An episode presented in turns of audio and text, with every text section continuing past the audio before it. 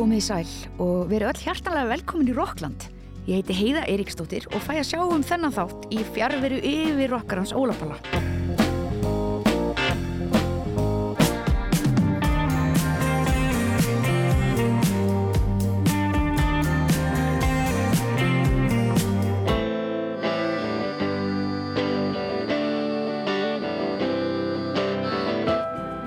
Er að hugsa um að bjóða ykkur upp á fjölbreytta ammælisvislu í þættinum því allar plötunar sem ég fjalla um eiga nefnilega 50 ára ammæli í ár. Það þýðir að þær koma út árið 1972.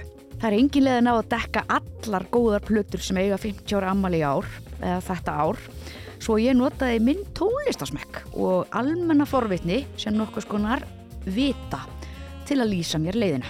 Óli Palli er mesti nýljóngaðdándi sem ég þekki og ymmit þess vegna hef ég ekki hugmynd um hvort hann hafi fjallað sérstaklega um frægustu plötu kanadíska meistarans. Oft er það svoleiðis að það sem allir þekkja eða eiga þekkja er það sem sérfræðingunum þykir ekki alveg eins merkilegt. Þannig er það bara. En samt er ekki hægt að líta framjá því að Harvest á 50 ára ámæli í ár. Já, Harvest kom út árið 1972. Nánar tiltekki 14. februar það árið.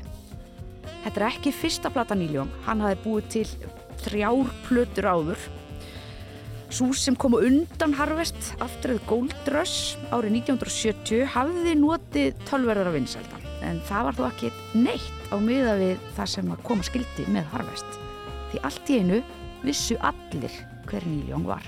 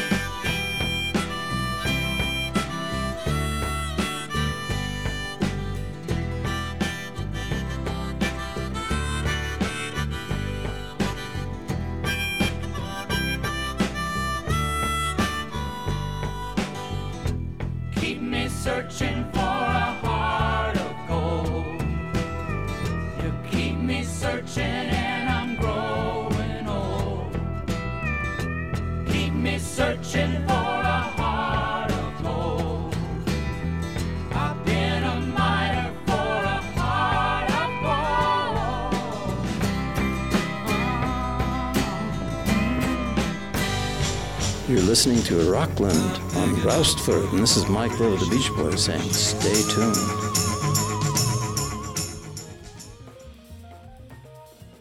Það var með þessu lagi Heart of Gold sem kanadíski tónlistamæðurinn Neil Young stimplaði sér rækilega inn árið 1972.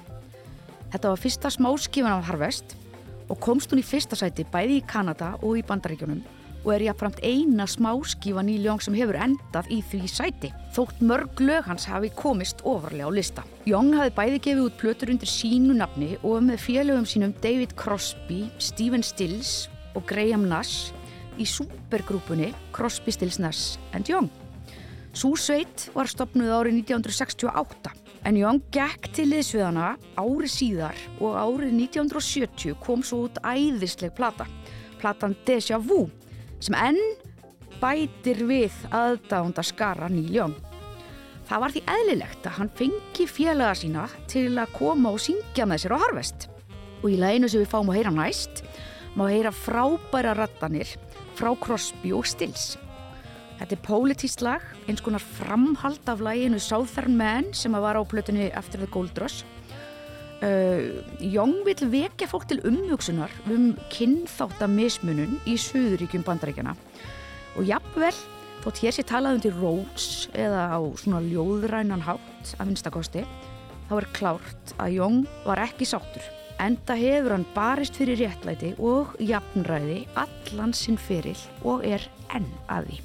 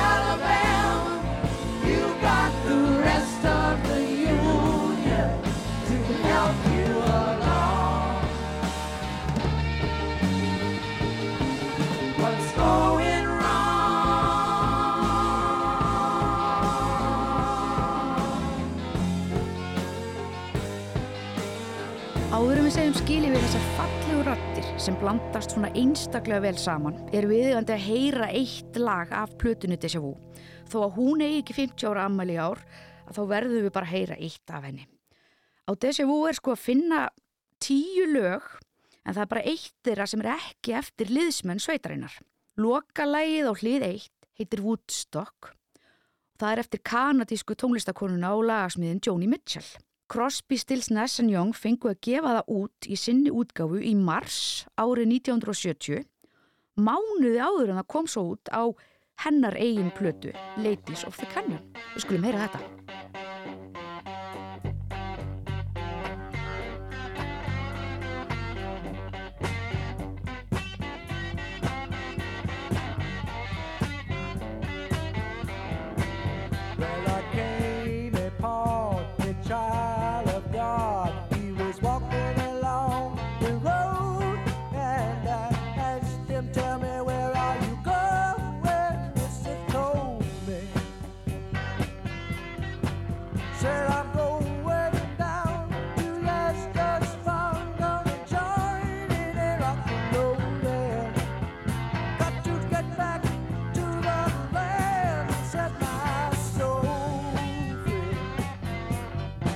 We are stars. We are.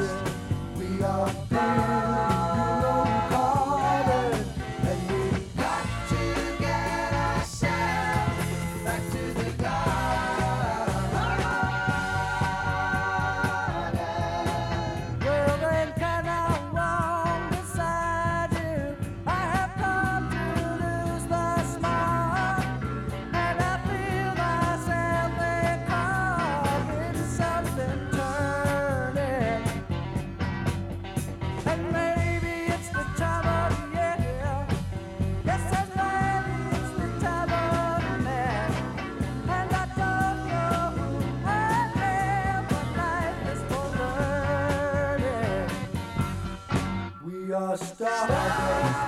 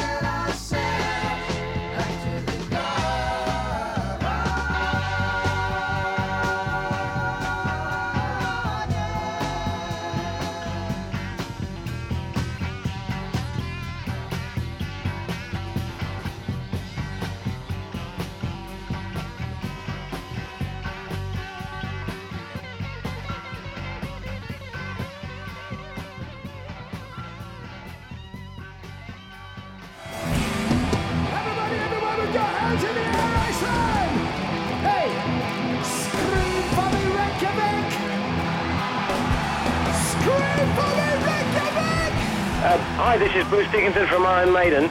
You're listening to Rockland on Rouse Poor.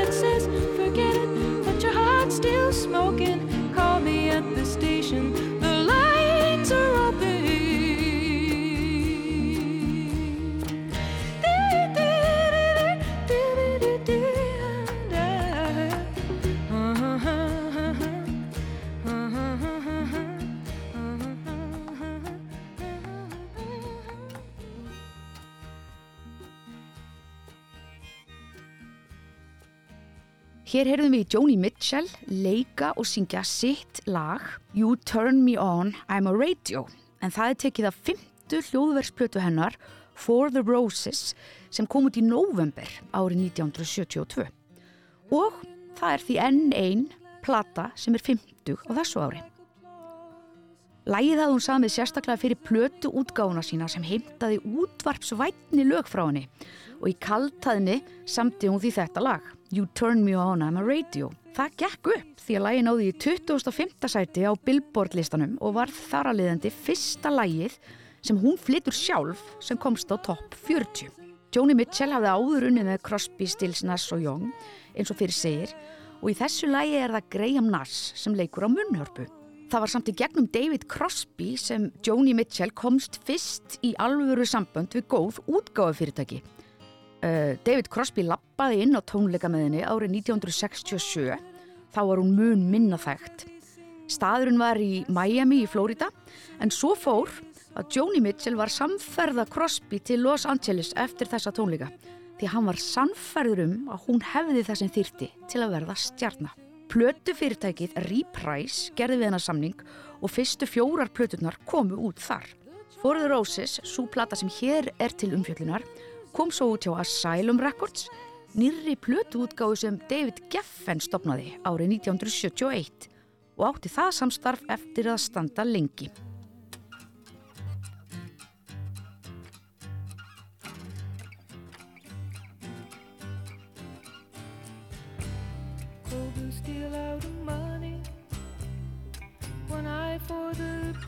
Police.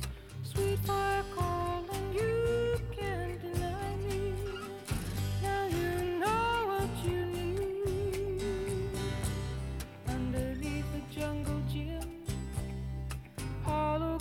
fire for sweet fire, shadow of lady release. Come with me, I know the way. She says it's down, down, down the dark ladder.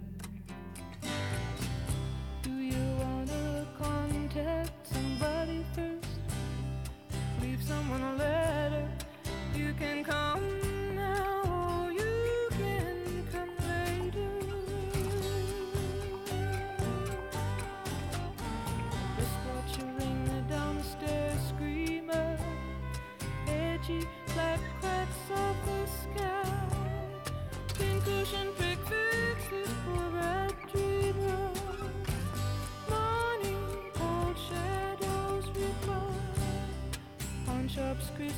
and padlocked.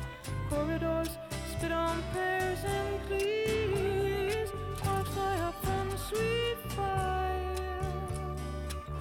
Black suit of lady release. Come with me, I know the way. She says it's down, down, down the dark ladder. Do you wanna contact somebody if you come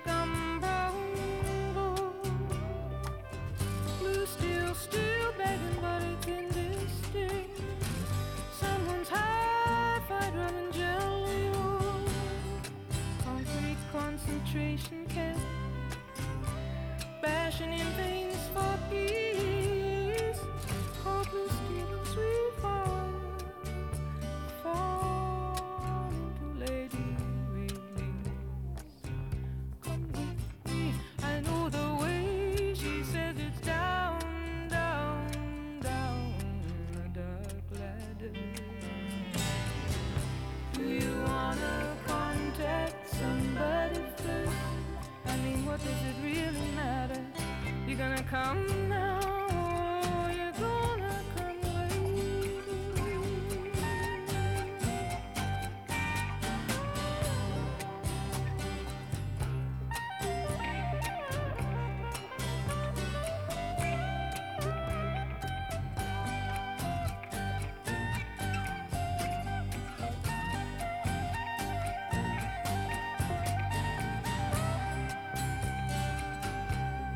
Platan For the Roses átti ekki marga smelli en hún fekk mikla aðtikli og fór víða og er jáfnframt síðasta útgáfa Joni Mitchell áður en hún helli sér á fullu í jazz skotnari lagasmíðar og þær eruðu ríkjandi hjá henni næstu áratugina.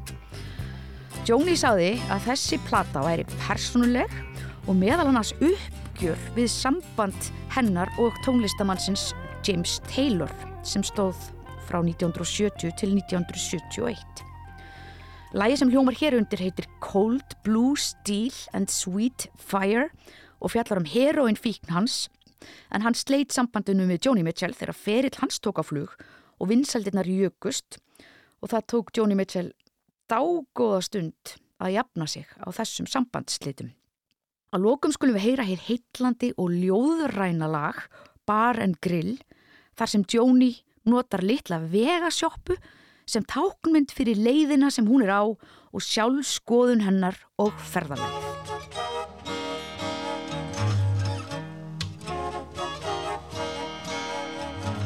Three waitresses all wearing black diamond earrings, talking about zombies and Singapore slings. Trouble in their faces, not one anxious voice, none of the crazy you get from too much choice. The thumb and the satchel or the rented Rolls Royce. And you think she knows something by the second refill. You think she's enlightened as she totals your bill. You say, Show me the way bar and grill.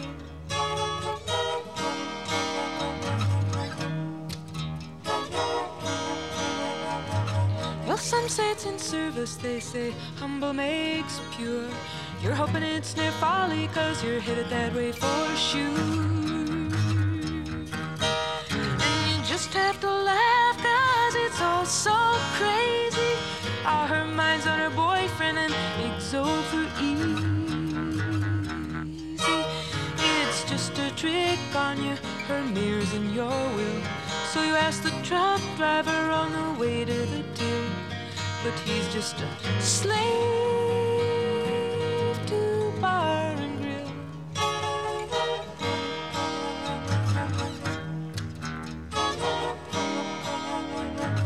The guy at the gas pumps, he's got a lot of soul. He sings Merry Christmas for you just like Nat King Cole.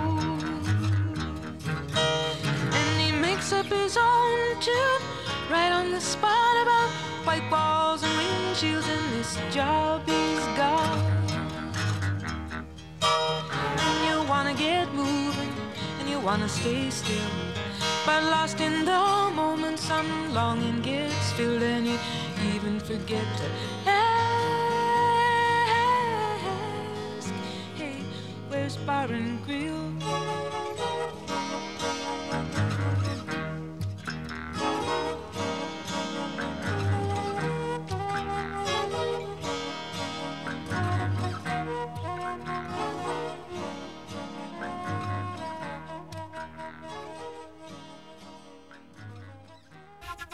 Ert að hlusta Rockland á Rástfö.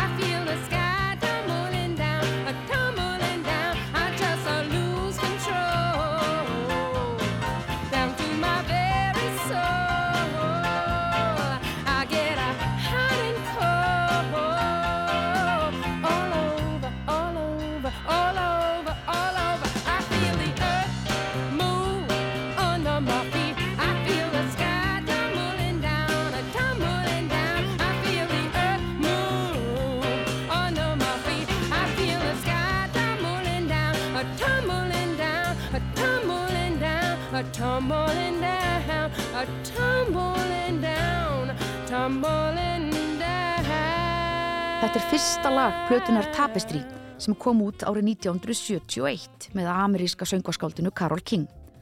Platan er hennar langfrægasta en hún er 51 ás í ár. Það er því hinn erfiða næsta plata á eftir frægustu plötunni, Rhymes and Reasons, sem er 50 ára í ár. Þar hvað við tölvert annan tón en á henni notalegu og upplýfgandi tapestri.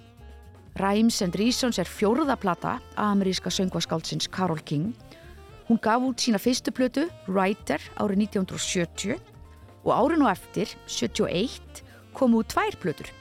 Tapestry kom út í februar 1971 og Music kom út í desember sama ár. Rhymes og Reason sem var gefin út í november 72 var því fjórða plata hennar á tveimur og hálfu ári. Carole King var endar búin að skapa sér nafn sem lagahöfundur áður en hún hóf sjálfa að gefa út plötur og átti því dágöðun lager af tónlist, bæði óútgefinni og lögum sem aðrir tónlistamenn höfðu gert fræg á sínum plötum. Það var fyrst með annari plötunni, Tapestry, sem Carole King varð eins konar almenningsegn, enda náði platan í fyrsta sæti á bandarísku, kanadísku, spænsku og japönsku vinsaldalistunum. Svo var það í þriðja sæti í Ástralíu og í fjóruða sæti í Breitlandi. Lög eins og I Feel the Earth Move, It's Too Late og You Make Me Feel Like a Natural Woman og You've Got a Friend náðu eirum almennings og það skilaði sér í gífulega mikilli plötusölu og verðlunum. Rhymes and Reason er allt öðruvísi plata, persónulegri og ekki eins mikið fílgút og jáfnframt er þetta fyrsta plata hennar með engungu nýjum og áður óútkonum lögun. Trátt fyrir að það væri örlítið alvarlegri tótn á plötunni heldu vinsældirnar áfram og platan komst á toppin á vinsældalista Kanada, lemdi í öðru sæti í bandaríkjanum og í því, fjórða í Breitlandi. Jákvæðasta lag plötunar er eiginlega samt með afskaplega daburlegum texta en mikið rosalega er það samt gott. Við skulum heyra lagið Bitter with the Sweet og hlusta vel á textan.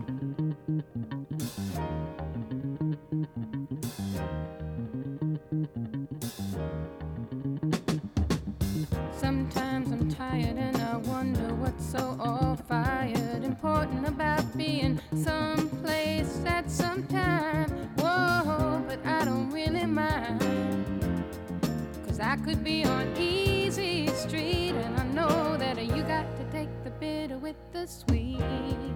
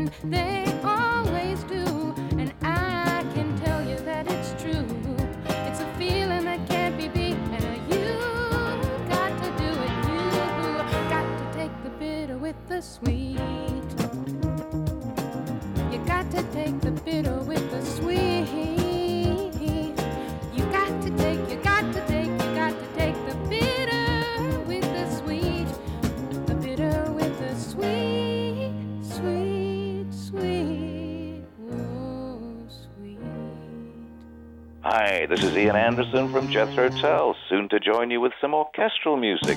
You're listening to Rockland on Rouse Tour. Sitting on the park bench, eyeing little girls with bad intent.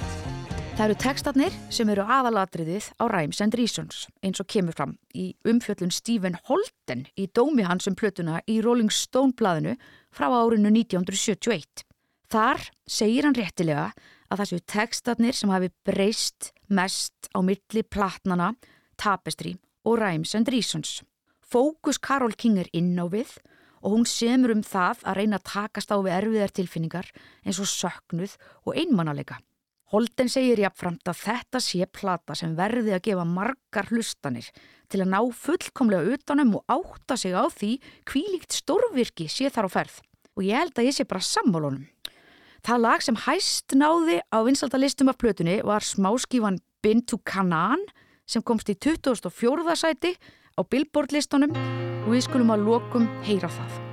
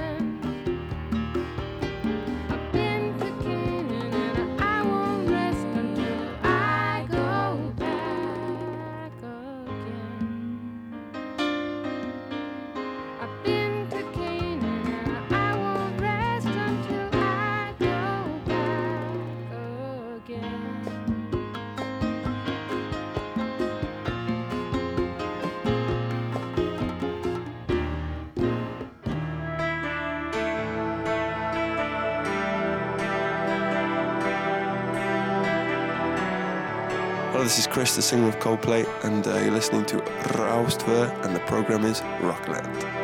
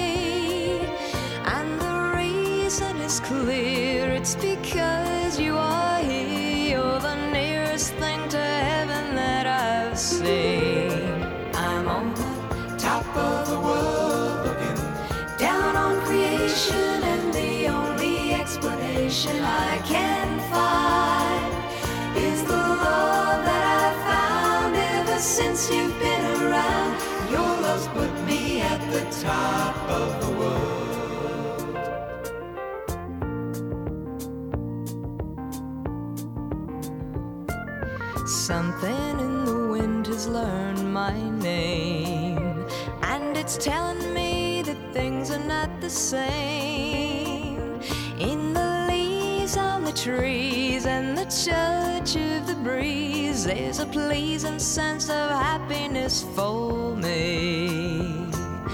There is only one wish on my mind. When this day is through,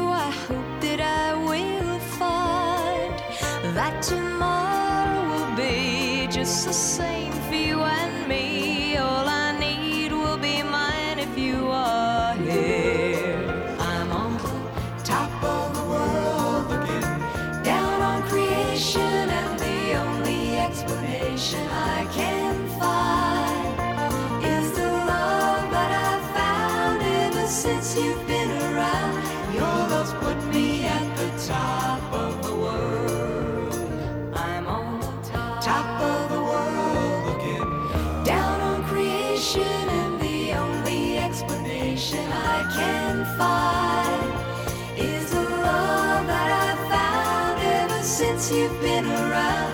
Your love's put me at the top of the world. Rétt er að minnast aðeins á plötu Carpenters, A Song for You, í tengslum við Carol King. En Carol King hljómaði eftir vill meira eins og Carpenters en hún sjálf á plötu sinni Rhymes and Reasons sem við vorum að heyra af. Ángurverð, fallega rattir og sigur sætar melodíur með sorglegum textum er bara mjög Carpenterslegt.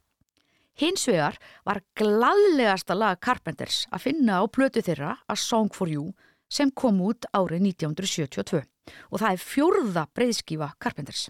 Lægið heitir Top of the World og var geysi vinsælt um allan heim og meiri sé að frægasta popljómsveit Íslands hefur gert sína útgáfu af læginu.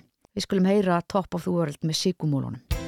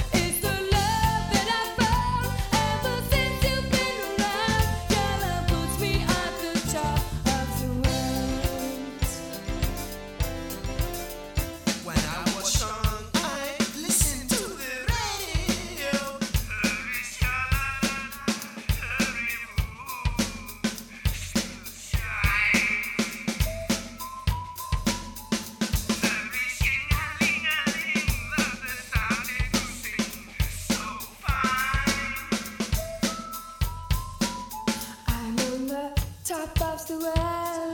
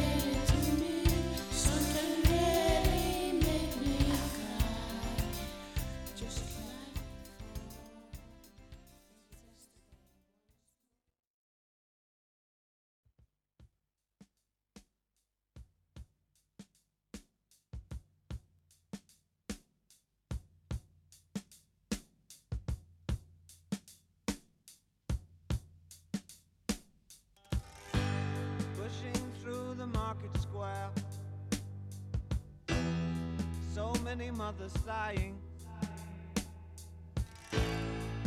News had just come over. We had five years left crying. News guy wept and told us Earth was really dying. Cried so much his face was wet. Then I knew was not lying. I heard telephones, opera house, favorite melodies. I saw boys, toys, electric irons, and TVs. My brain hurt like a warehouse, it had no room to spare. I had to cram so many things to store everything in there. And all the fat,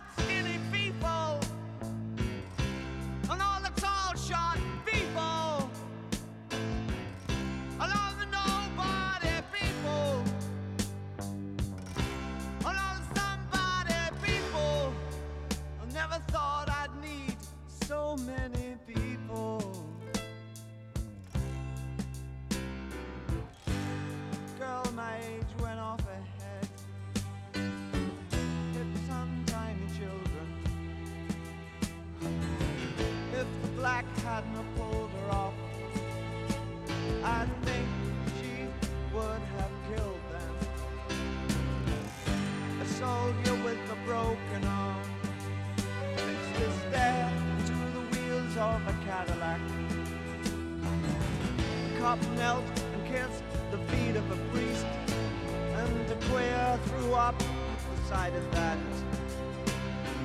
I think I saw you in an ice cream parlor, drinking milkshakes cold and long, smiling and waving and looking so fine.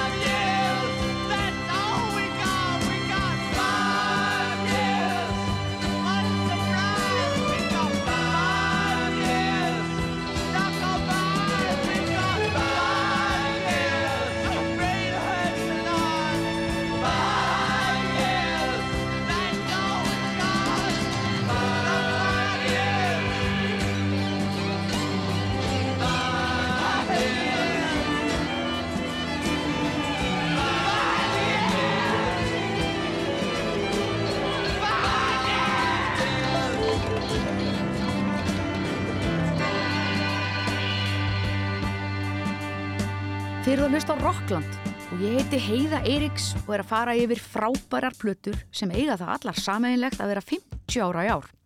Sem sagt, allar plötunar sem við erum að heyra koma út árið 1972. Við heyrðum lagið Five Years með David Bowie, upphafslag plötu hans The Rise and Fall of Ziggy Stardust and the Spiders from Mars. Þessi byrjun á plötu er afskaplega sterk og trommurnar sem standa einar í nokkrar sekundur áður en öll hljóðfærin detta inn gefa tónin í þessu lagi. Það er nokkuð skonar domstagsteksti þannig á ferð. Bái er að tilkynna okkur að heimurinn sé enda eftir fimm ár. David Bái er að gera sína fymtu breyðskifu þarna en hann var búinn að vera að gefa út tónlist undir nafninu David Bowie síðan árið 1966. Þar á undan frá árunnu 1964 hafði hann gefið út tónlist undir nöfnunum Davy Jones and the King Bees, Manis Boys og Davy Jones and the Lower Third. Og takið eftir því hann er fættur árið 1947, svo hann var einungi 17 ára gamall þegar hann byrjaði að gefa út tónlist. Hann sló endanlega í gegn með læginu Space Oddity árið 1969. Lægið endaði í fymta sæti á breska smáskifulistanum og lægið var gefið út fimm dögum áður en tunglfarinu Apollo 11 var skotið á loft. Bái segir ekki alveg skilið við geimin á plötunu sem er til umfjöllunar hér, eins og heyram á í mega hittaranum Starman sem gefið var út sem fyrsta smáskifa plötunar og komst í tíundasæti breska smáskifulistans og það varð jafnframt fyrsta vinsæla lag hans síðan Space Oddity kom út.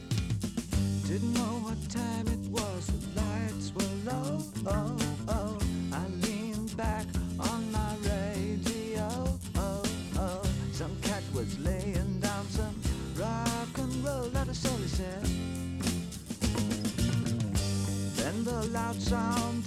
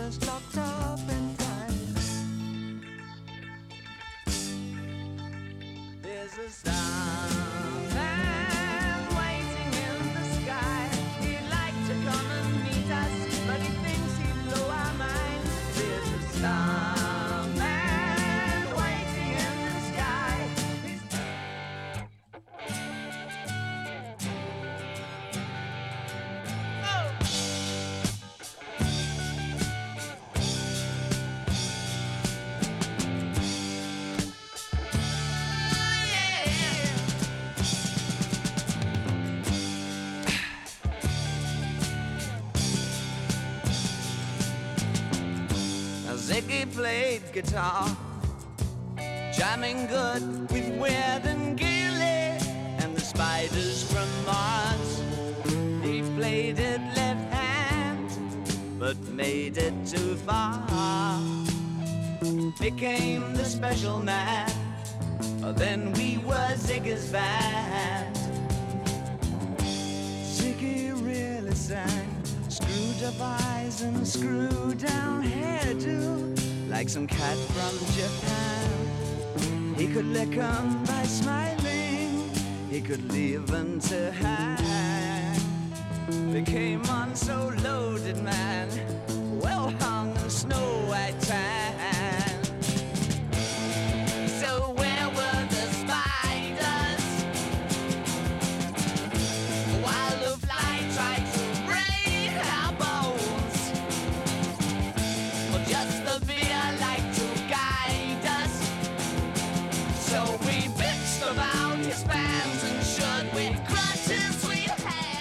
Það er alveg ljóst ef hlustaðir á plötuna The Rise and Fall of Ziggy Stardust and the Spiders from Mars í heildsinni að Bái er ekki bara að tala um stjörnurnar á heiminkólfinu heldur eru það rockstjörnur nánartiltekið rockstjarnan Ziggy Stardust sem platan fjallar um. Einsona plötunar gefur til kynna og Spiders from Mars eru þá hljómsveitin sem leikur undir hjá í Stardust. Platan er einhvers konar konceptplata um rockara sem er að reyna að meika það með öllum mögulegum ráðum. Rockarinn bregður til dæmis á það ráð að búa til nokkus konar sviðispersónu úr sjálfum sér til að takast á við fræð og frama og týnir sjálfum sér í liðinni. Og hann neyðist að lokum til að drepa rockstjörnuna til að lífa af eða einhvern veginn svona skilja það. Eftir vill var David Bowie að tala um sjálfan sig og bara áttu sína við að ná fræð og frama. En þetta er líka saga margra frægra rockstjarnar sem missa sig í glissi og glaumi og týna sér svo að lokum. Í raun mætti segja að Pink Floyd The Wall segi sömu sögu bara nokkrum árum síðar. Heyrum á lokum lögin Star sem fjallar um þörf rockarans fyrir viðurkenningu og svo lokalagplötunar enda lokin sjálf. Rock'n'Roll Suicide.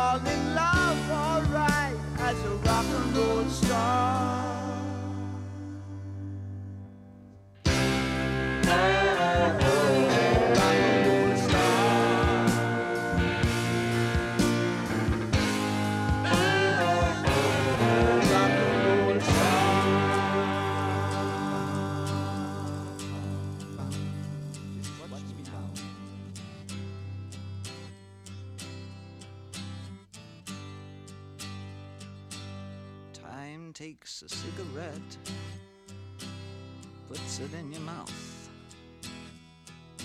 You pull on your finger, then another finger, then cigarette. The water wall is calling, it lingers, then you forget. Oh, ho, ho, ho, you're a rock and roll suicide. You're too old to lose it, too young to choose it. And the clock waits so patiently on your song. You walk past the cafe, but you don't eat when you've lived too long. Oh no, no, no, you're a rock and roll suicide. Shift break snarling as you stumble across the road. But the day breaks instead, so you hurry home. Don't let the sun blast your shadow. Don't let the milk float rob your mind. They're so natural, religiously unkind. Oh no, love, you're not alone.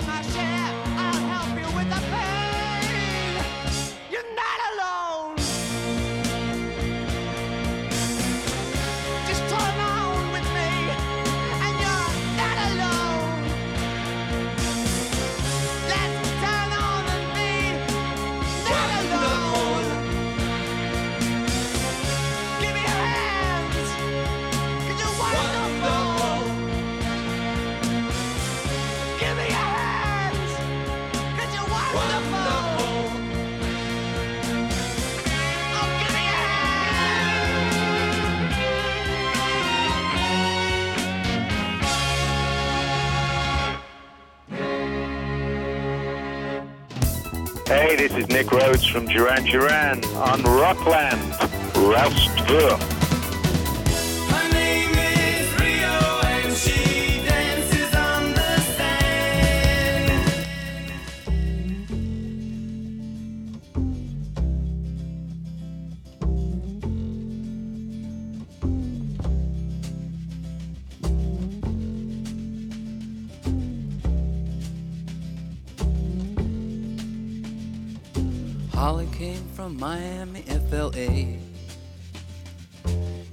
Hitchhiked away across USA.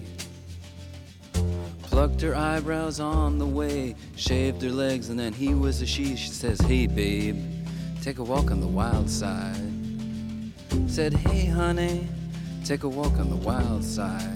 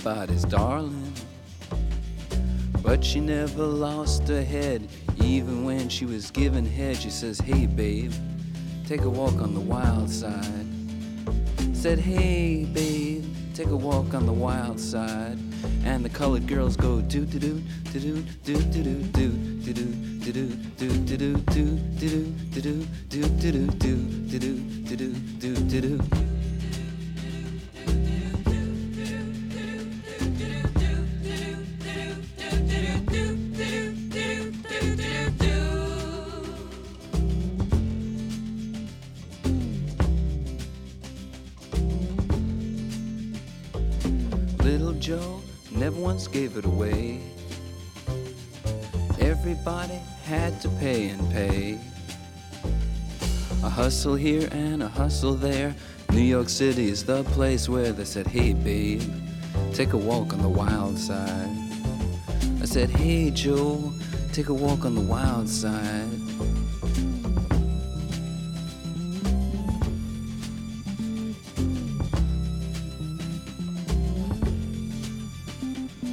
Sugar Plum Fairy came and hit the streets, looking for soul food and a place to eat. Went to the Apollo, you should have seen him go, go, go. They said, Hey, sugar, take a walk on the wild side. I said, Hey, babe, take a walk on the wild side. Alright. Ha.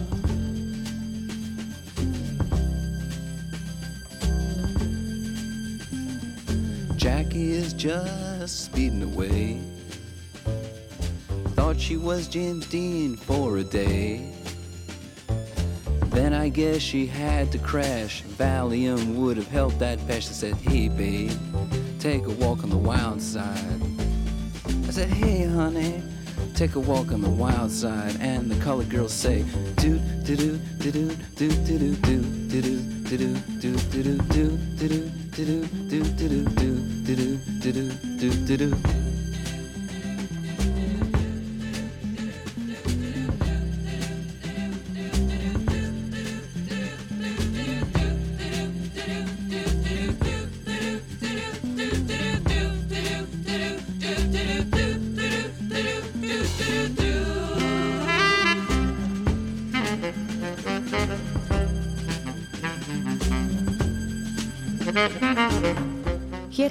lagið Walk on the Wild Side en það er að finna á plötunni Transformer sem er önnur sólóplata Lou Reed.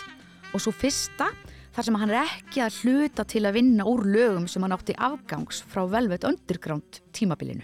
Lou Reed eða Louis Allen Reed var amerískur, fættur árið 1942 og var því orðin 30 ára gamall þegar platan Transformer kom út árið 1972. Platan kom út í november en fyrsta platan hans, þar að segja soloplatan hans, sem einfallega hétt Lou Reed, hafði komið út fyrra á árinu í april 1972. Þá voru tvö ár liðin síðan Velvet Underground hættu. Velvet Underground hafði verið starfrækt frá árinu 64 og frá 1966 hafði listamæðurinn Andy Warhol verið umbóðsmaður sveitarinnar. Lou hafði sami lögin og textana og Velvet Underground sendi frá sér plötu á ári í fjögur ár. Þar til Lou fekk nóg og vildi fara að huga að sínum sólóferli. Lou þurfti góða plötu og vel sándandi ef hann ætlaði að styrkja stöðu sína sem sólóartisti og hann leisti það með því að kalla til stórskotaleiðið frá Englandi.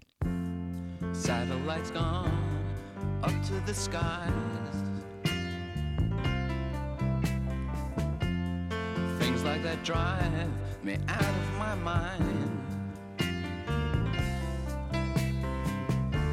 I watched it for a little while. I like to watch things on TV. Satellite of love.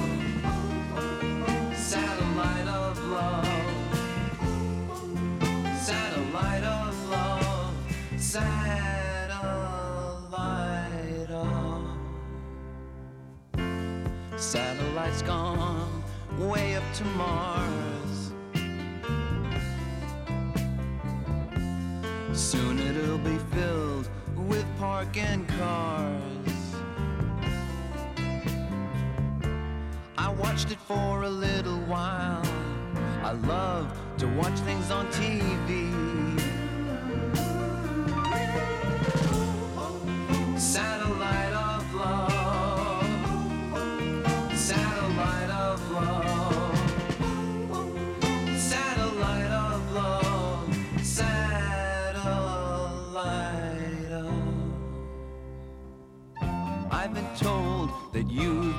Bold with Harry, Mark, and John. Monday and Tuesday, Wednesday to Thursday with Harry, Mark, and John. Satellites gone up to the skies. Things like that drive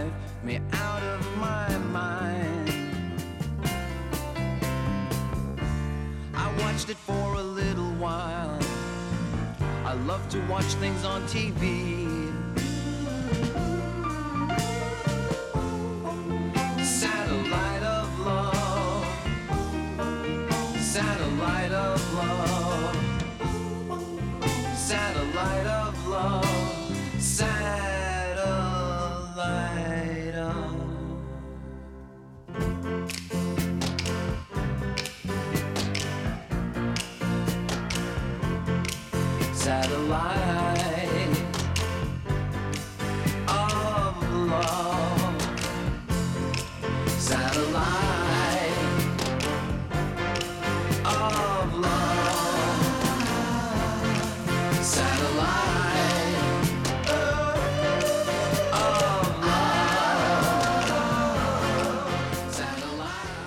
Það er í þessu lagi, Satellite of Love, sem best kemur í ljós að það er svo sannarlega David Bowie sem útsetur og stjórnar upptökum á plötunni Transformer með Lou Reed sem kom út árið 1972 og er því 50 ára í ár rétt eins og Siggy Stardust sem við heyrðum hér á undan. Bái hefur því verið duglegur þessi árin, en hann ásamt Mick Ronson, gítarleikaranum í Spiders from Mars, koma heilmikið að upptökum og hljóðublöndun á plötunni.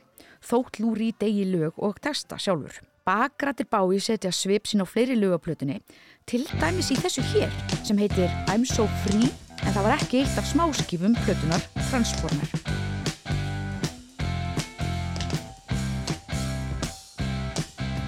Yes, I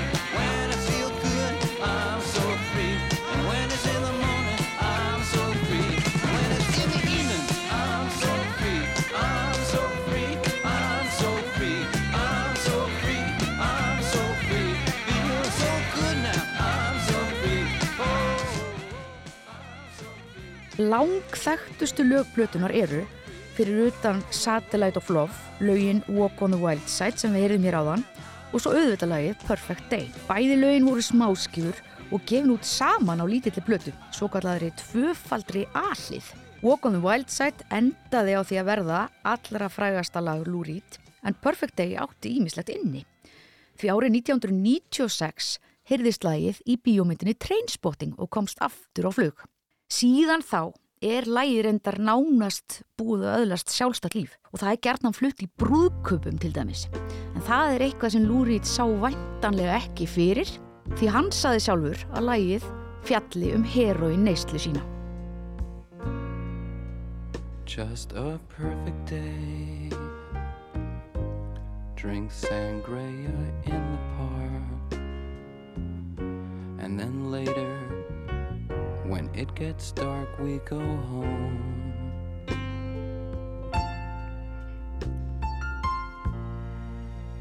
Just a perfect day. Feed animals in the zoo. Then later, a movie too, and then home.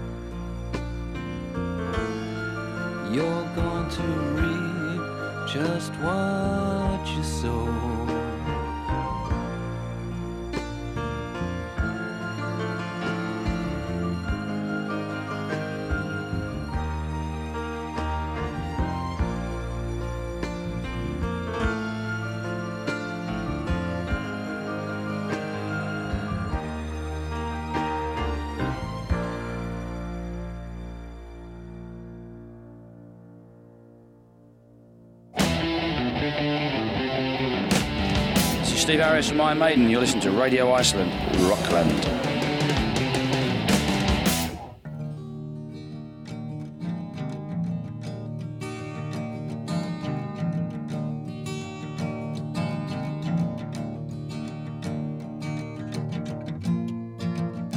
I saw it written and I saw it say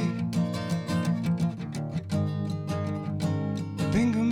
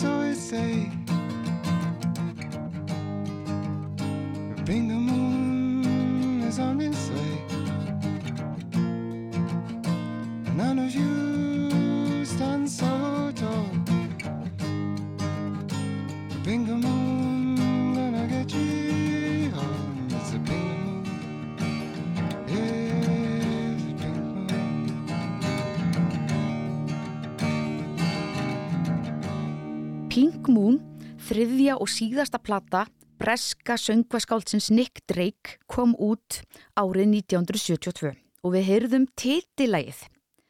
Nick Drake var tölvert leitandi ungur maður sem áallt hafi verið svolítið inn í sig.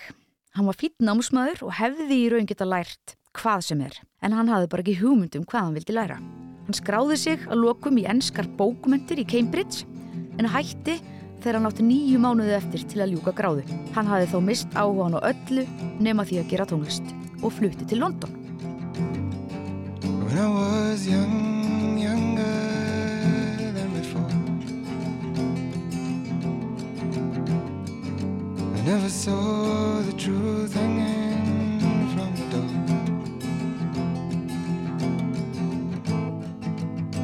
And only see you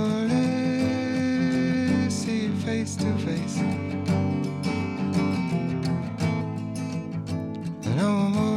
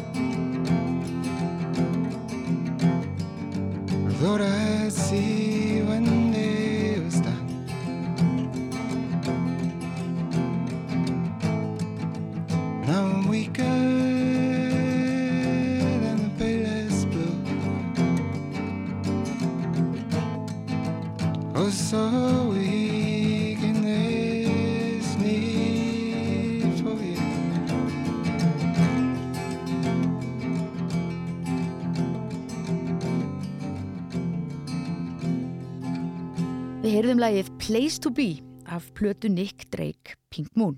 Fyrstu tvær breyðskifur Nick Drake voru Five Leaves Left sem kom út árið 1969 og Brighter Later sem kom árið 1971.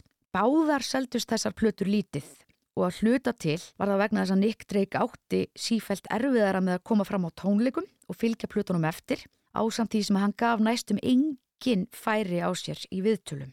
Hann var þunglindur og kvíðinn á tímum þegar fólk talaði helst ekki um slíkt. En að lokum varðan að leita sér aðstöðar. Hann fekk upp og skrifið þunglind slif sem hann var þó ekkert of hrifin af því að taka. Bæði vegna þess að það var mikil skömm sem fylgdi þunglindi á þessum tíma og líka vegna þess að þau blönduðust ekkert sérstaklega vel við marihuana reykingarnar hans sem hann hafi notað til að vinna á kvíðanum. Skulum heyra annað lag af Pink Moon. Þetta lag heitir Things Behind the Sun. Please beware of them that stare, they'll only smile to see while your time away. And once you've seen what they've been to, and the earth just won't seem worth a night or a day. Oh yeah, what I say. Look around, you find the ground is not so far from where you are. But don't wise. For down below they never grow, they're always tired and charms are hired from out of their eyes. Never a surprise. Take your time and you'll be fine. Say a prayer for people that live on the floor. If you see what's meant to be, don't name the day or try to say it happened before.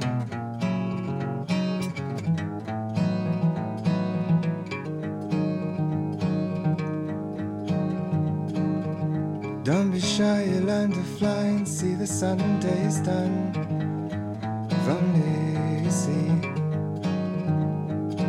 Just what you are beneath a star that came to say one rainy day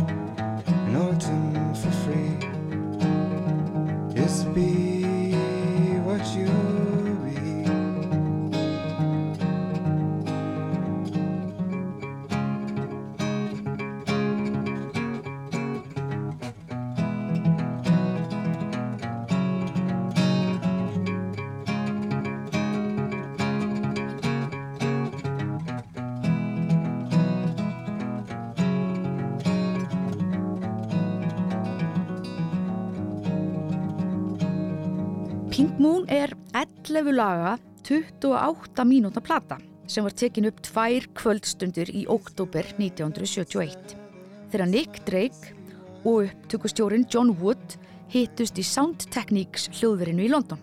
Drake spilaði á gítar og söng og tók upp örlítið af píanói í titilagið. Hann neitaði að bæta neinu öðru við og sagan segir að hann hafi verið ánaðaustur með þessa plötu af þeim þremur sem hann náði að gefa út. Hinar tvær voru útsettari og flóknari og láns tónlistarmenn úr öðrum vinsælum sveitum eins og til dæmis Fairport Convention voru fengnir til að spila allskins fíneri inn á þessar plötur. Drake hafði þó efasendir um sumar af þessum útsetningum og því var síðasta plata hans á þennan veg, einföld og hrá. En let þó fræðin á sér standa. Tveimur árum eftir að Pink Moon kom út, lést Nick Drake á heimili fóreldra sinna. Dánarorsök var of stór skamtur af þunglindislifjunum sem hann treyst ekki. En þann dag í dag er ekki vitað fullkomlega hvort hann tók sitt eigið líf eða hvort um slis var að ræða. Drake lifði ekki nógu lengi til að finna þá fræð og viðurkenningu sem hann þráði fyrir lagasmíða sínar. En það var það ekki fyrir en mörgum árum eftir lát hans sem tónlistin fór að vinna hug og hlustir ungs fólks um allan heim. Þegar tónlistin var svo endurútgefin á geisladiskum um og upp úr 1990 voru allir sammála um að Pink Moon væri mistraverk. Heyrum að lokum lagið Parasite af Pink Moon. Lifting the mask from a local clown, feeling down like him. And seeing the light in a station bar and traveling far in sin.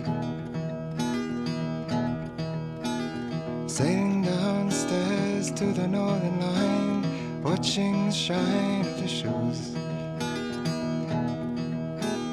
Hearing the trials of the people there, who's to care if they lose?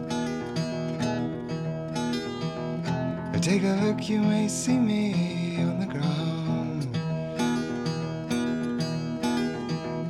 For I am the parasite of this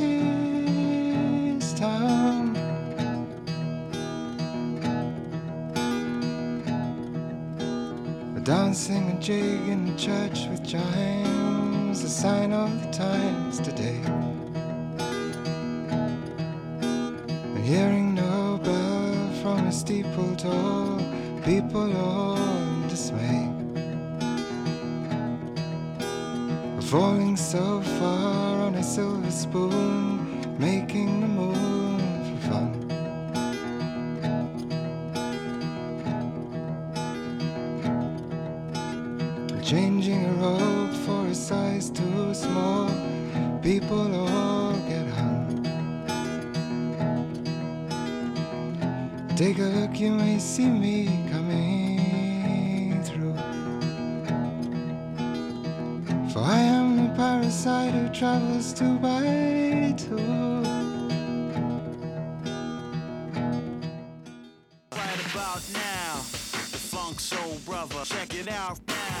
This is Rockland in Iceland on Icelandic Radio 2 with Fatboy Slim.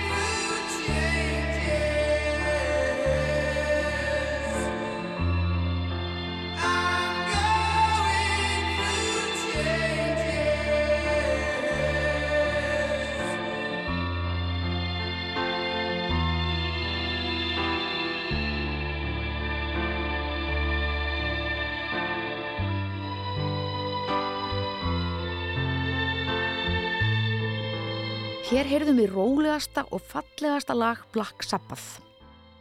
En það er að finna á plötu Black Sabbath Volume 4 sem kom út í september 1972. Black Sabbath er bresk hljómsveit, stopnuð í Birmingham 1968 og er einn þeirra sveita sem talin er til frumkvöðla þungaráksins. Hljómsveitin gaf út plötunar Black Sabbath og Paranoid árið 1970 og svo kom þriðja platan Master of Reality út árið 1971. Voljum 4 er því svo sannarlega platanúmer 4. Hljómsveitin hafiði bæði myrkan hljóm sögum þess að uh, þeir stiltu hljóðfæri sín í dýbri tóntegund en gengur og gerist. Og svo notuðu þeir hryllingsmyndir sem innblástur við textagerð. Reyndar heitir sveitin í höfuð á hryllingsmyndinni Black Sabbath frá árinu 1963 en hana var verið að sína í litlu bíói sem var hinum með við göttuna frá æfingarhúsnaði hljómsveitarinnar. Strákunum í Black Sabbath fannst merkilegt að sjá röðina í miðasöluna og veldu fyrir sér hvernig stæði á því að manneskjurnar væru alltaf svona spenntar fyrir hryllingi. Svo var bara ákveðið að pröfa að nota sömu aðferð í rocktónlist og þungarokki var fætt. Við skulum heyra lagið Supernolt af Voljum 4.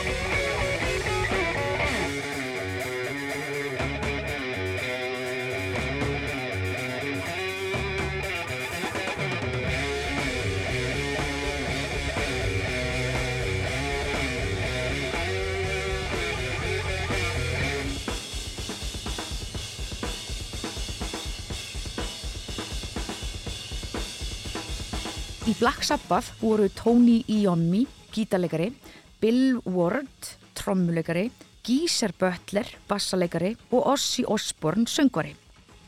Þeir tveir fyrrnemdu höfðu verið saman í hljómsveitinni Mythology frá Birmingham en langaði að stopna þingri blúskotna hljómsveit.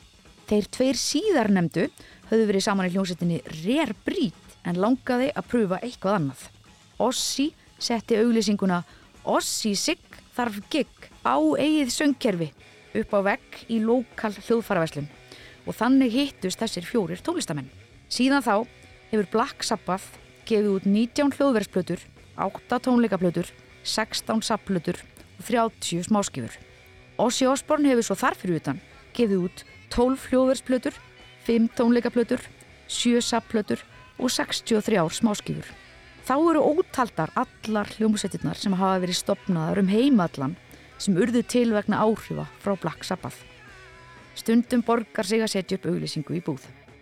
Heyrum að lokum lægið Cornucopia af Volume 4 og með því líkur Rocklandi í dag.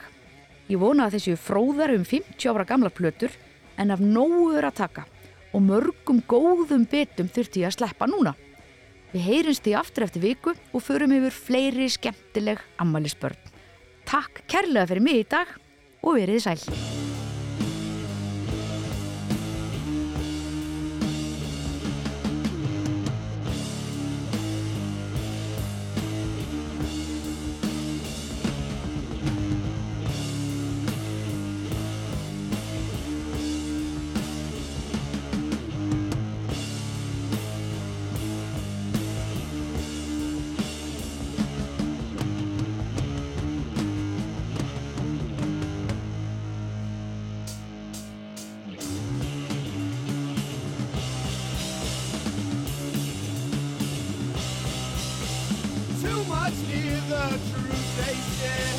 Keep it till another day.